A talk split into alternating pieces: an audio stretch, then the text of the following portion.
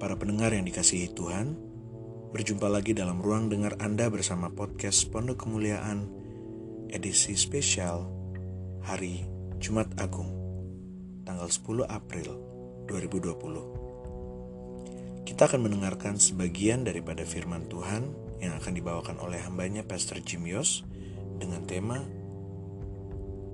Mengambil bagian dalam kematian Yesus. Renungan akan dilanjutkan dengan perjamuan kudus sehingga diharapkan Bapak, Ibu, pendengar sekalian sudah menyiapkan roti dan anggur untuk perjamuan kudus. Selamat mendengarkan dan Tuhan Yesus memberkati.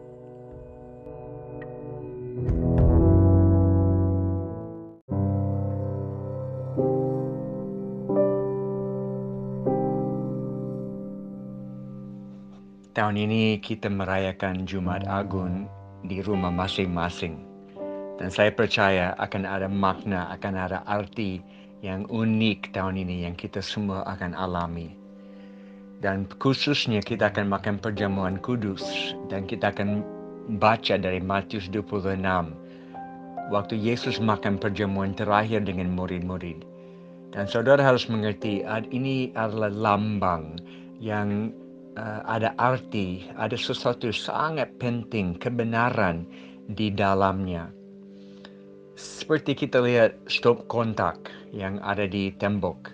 Di luar semua aman uh, karena negatif di luar, tapi uh, ada uh, terminal positif yang di dalam tembok dan kalau itu disentuh uh, ada kekuatan dari PLN.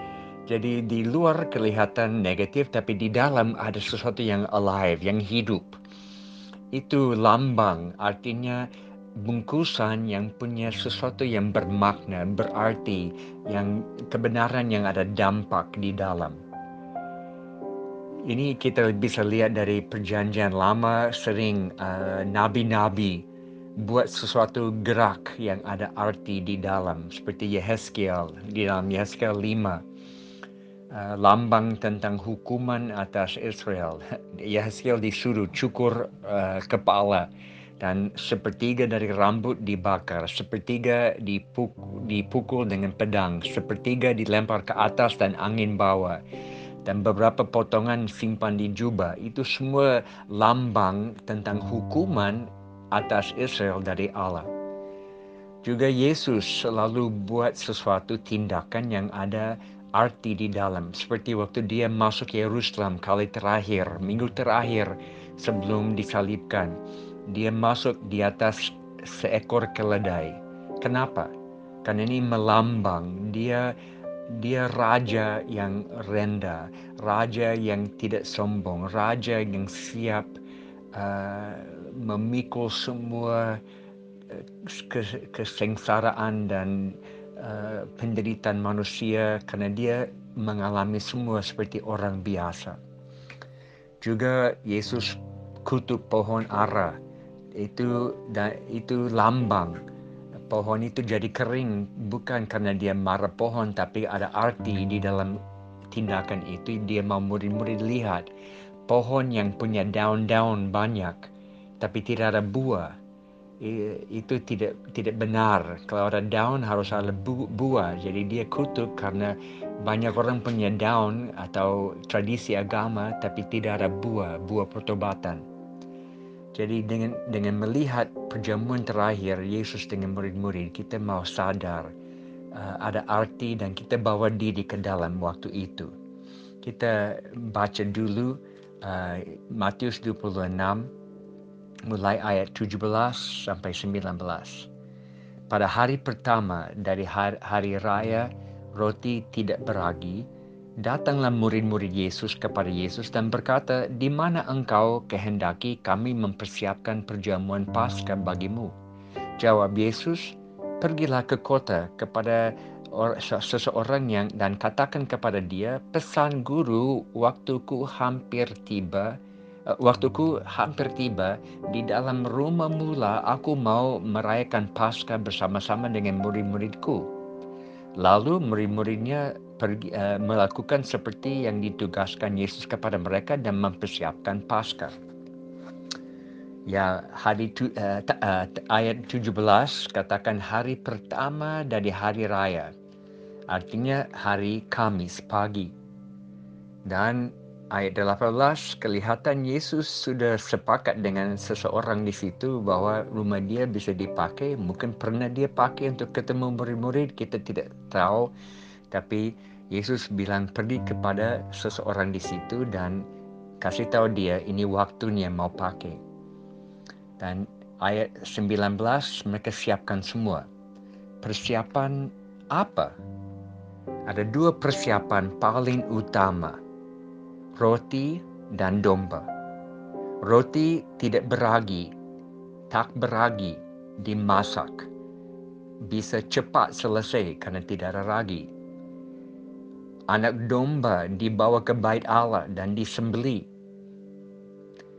Selain roti dan domba, ada empat persiapan lain.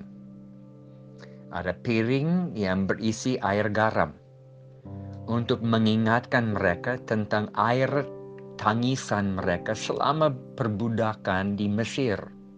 Dan air laut merah yang memisahkan Allah yang dipisahkan eh, air air dari laut merah yang dipisahkan Allah supaya mereka bisa lewatin keluar dari Mesir.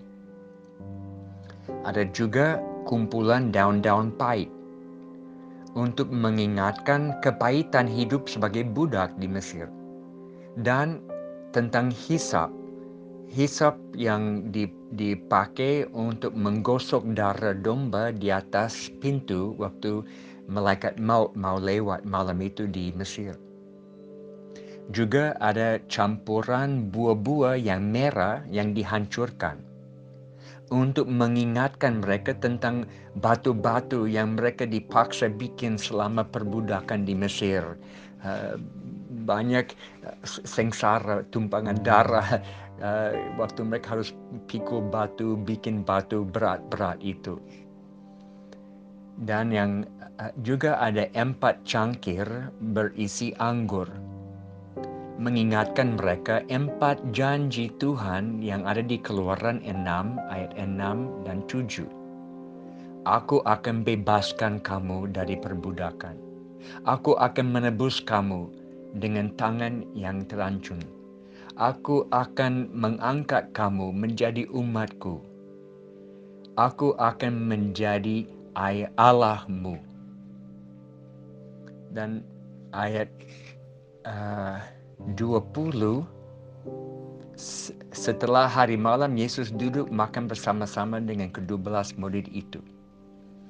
Jadi malam mereka siap makan perjamuan itu. Mungkin jam 6 sore hari Kamis. Karena itu dianggap mulai hari Jumat. Dan perjamuan ini melambang seluruh tujuan hidup Yesus datang ke dunia ini. Apakah kebenaran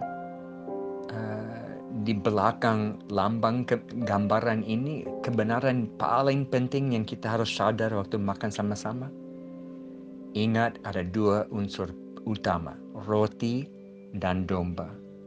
Dan sebentar kita akan selidiki dua hal itu.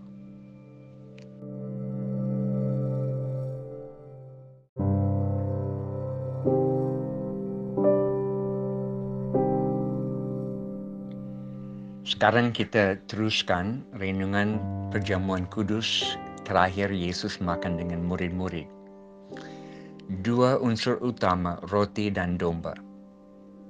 Roti artinya pelepasan. Yesus datang untuk melepaskan manusia dari perbudakan kepada dosa. Kita baca ayat 26. Dan ketika mereka sedang makan, Yesus mengambil roti, mengucap berkat, memecah-mecahkannya, lalu memberikannya kepada murid-muridnya dan berkata, Ambillah, makanlah, inilah tubuhku. Perjamuan Paskah. Ingat, mengingat uh, kembali bagaimana Allah membawa Israel keluar dari Mesir. Perayaan satu minggu setiap tahun mereka buat dan dimulai dengan pesta roti tidak beragi. kenapa roti tanpa ragi? Bisa kembali ke keluaran 12.34 dan ini bahwa karena Israel harus keluar dari Mesir dengan cepat dan roti beragi perlu waktu untuk masak. Jadi roti tanpa ragi artinya ambil dan pergi cepat, sudah siap. Juga ragi merupakan suatu campuran. Maka roti tanpa ragi adalah murni. Artinya Yesus sebagai roti Allah tidak ada campuran, tidak ada dosa, murni. Juga waktu mereka di Mesir, setiap hari di Mesir umat Israel hidup di dalam ketakutan, terikat dengan perbudakan dan akhirnya mereka dilepaskan dari ketakutan dan perbudakan itu. Roti melambang itu dilepaskan keluar dari Mesir. Sekarang juga manusia hidup dalam ketakutan, perbudakan kepada dosa. Dan Yesus melepaskan kita dari ketakutan dan perbudakan itu. Mungkin ada takut khusus terhadap wabah corona ini Mungkin dengan perjamuan ini kita dilepaskan dan tahu ada perlindungan dari Yesus. Yesus adalah roti dari surga yang sempurna, yang siap melepaskan, pindahkan kami dari perbudakan ke dalam tanah perjanjian. Yang kedua, domba. Domba artinya selamat, keselamatan. Yesus datang untuk menyelamatkan manusia dari dosa, dan dampaknya dosa. 27 kita baca. Sesudah itu dia mengambil cawan, mengucap syukur dan memberikannya kepada mereka dan berkata, Minumlah kamu semua dari cawan ini. Sebab inilah darahku, darah perjanjian yang ditumpahkan bagi banyak orang untuk pengampunan dosa. Jadi domba Paskah suatu lambang tentang selamat dan aman. Bisa baca keluaran 12 ayat 21 sampai 23 untuk lebih lihat itu. Mengingat kembali di Mesir di mana mereka disuruh sembeli domba tanpa cacat, domba yang sempurna. Di depan rumah mereka ikat satu hari full supaya semua orang bisa lihat ini domba yang sempurna. Lalu disembeli dan mereka harus gosok darahnya di ambang atas dan kedua tiang pintu masuk ke rumah supaya malaikat maut waktu lewat tidak akan membunuh anak sulung di rumah itu. Jadi domba membawa keselamatan. Darah domba menyelamatkan umat Israel malam itu. Sekarang darah Yesus sebagai domba Allah terakhir yang menyelamatkan manusia dari dampak dosa yang membawa kepada maut. Ayat 28 yang baru kita baca, perjanjian lewat darah Yesus. Perjanjian adalah ikatan atau aturan main di antara dua orang dalam hubungan mereka. Ikat janji dengan makan bersama sering. Perjamuan adalah makan full pada waktu itu mereka makan full bukan hanya minum sedikit dan roti karena ini janji tapi perjanjian ini uh, yang Yesus bermaksud bukan di antara dua orang tetapi di antara Allah dan manusia dalam kata lain inilah Yesus, yang Yesus katakan oleh karena hidupku dan khususnya kematianku sekarang diberikan peluang untuk manusia masuk ke dalam hubungan baru dengan Allah. Perjanjian lewat darah Yesus. Dan ayat 29. Akan tetapi aku berkata kepadamu, mulai dari sekarang aku tidak akan minum lagi hasil pokok anggur ini sampai pada uh, aku minumannya yaitu yang baru bersama-sama dengan kamu di kerajaan Bapakku. Kera, dia bicara tentang kerajaan. Kerajaannya dalam pikiran Yesus pada waktu dia ma makan perjamuan. Walaupun Yesus tahu penderitaan salib ada di depan dia sangat dekat, dia masih berfokus dengan kerajaannya. Kematiannya akan membangun kerajaan Allah di bumi ini. Dan akhirnya semua acara ini diakhiri dengan nyanyi lagu bersama. Uh, ayat 30 sesudah nyanyikan nyanyian pujian pergilah Yesus dan murid-muridnya ke Bukit Zaitun. Dan kemungkinan Mazmur 136 mereka nyanyi. Jadi itu perjamuan pertama yang dibuat. Dan sekarang kita mau masuk dalam perjamuan ini. Mari kita berdoa. Tuhan, kami pegang roti ini. Terima kasih tubuh Yesus dipecahkan. Tubuh Yesus yang sempurna, yang murni, tidak ada dosa. Yang membawa kami dari perbudakan ke dalam tanah perjanjian. Pengampunan dosa datang karena roti ini melambang Yesus, tubuh Yesus yang sempurna. Dia ambil semua pelanggaran kami, semua hukuman dosa. Dia ambil. Terima kasih. Kami dipindahkan dari gelap ke dalam terangmu yang ajaib. Dengan makan roti ini, kami ingat tubuh Yesus. Dalam nama Yesus kami mau makan sama-sama. Silakan semua makan sekarang. Dan Tuhan kami ambil cawang atau gelas minuman yang ada di depan kami. Dan ini melambang dari Yesus yang curah di kayu salib buat kami. Darah Yesus, dan darah domba pasca yang bawa keselamatan dan keamanan. Dan darah Yesus yang memulihkan kami. Darah Yesus yang karena bilur-bilur Yesus kami bisa sembuh, kami semua kami bisa rasakan Yesus bayar lunas dengan darahnya sendiri.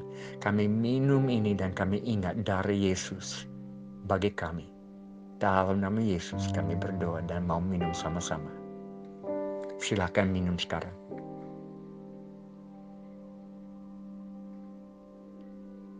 Terima kasih Tuhan perjamuan yang kami bisa buat di rumah-rumah sekarang. Kami tahu engkau hadir di mana ada satu, dua, tiga orang atau lebih berkumpul dalam namamu, engkau ada di situ. Terima kasih karena hadiratmu bersama kami. Kami nikmati perjamuan, perjamuan kudus bersamamu tahun ini. Haleluya. Amin.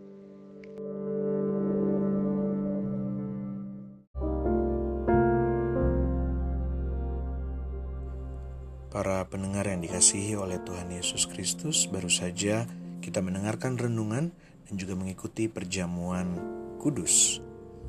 Biar kiranya kita senantiasa mengingat bahwa Tuhan tertikam oleh karena pemberontakan kita, Yesus dirumukan oleh karena kejahatan kita, ganjaran yang mendatangkan keselamatan bagi kita ditimpakan kepadanya, dan oleh bilur-bilurnya kita menjadi sembuh.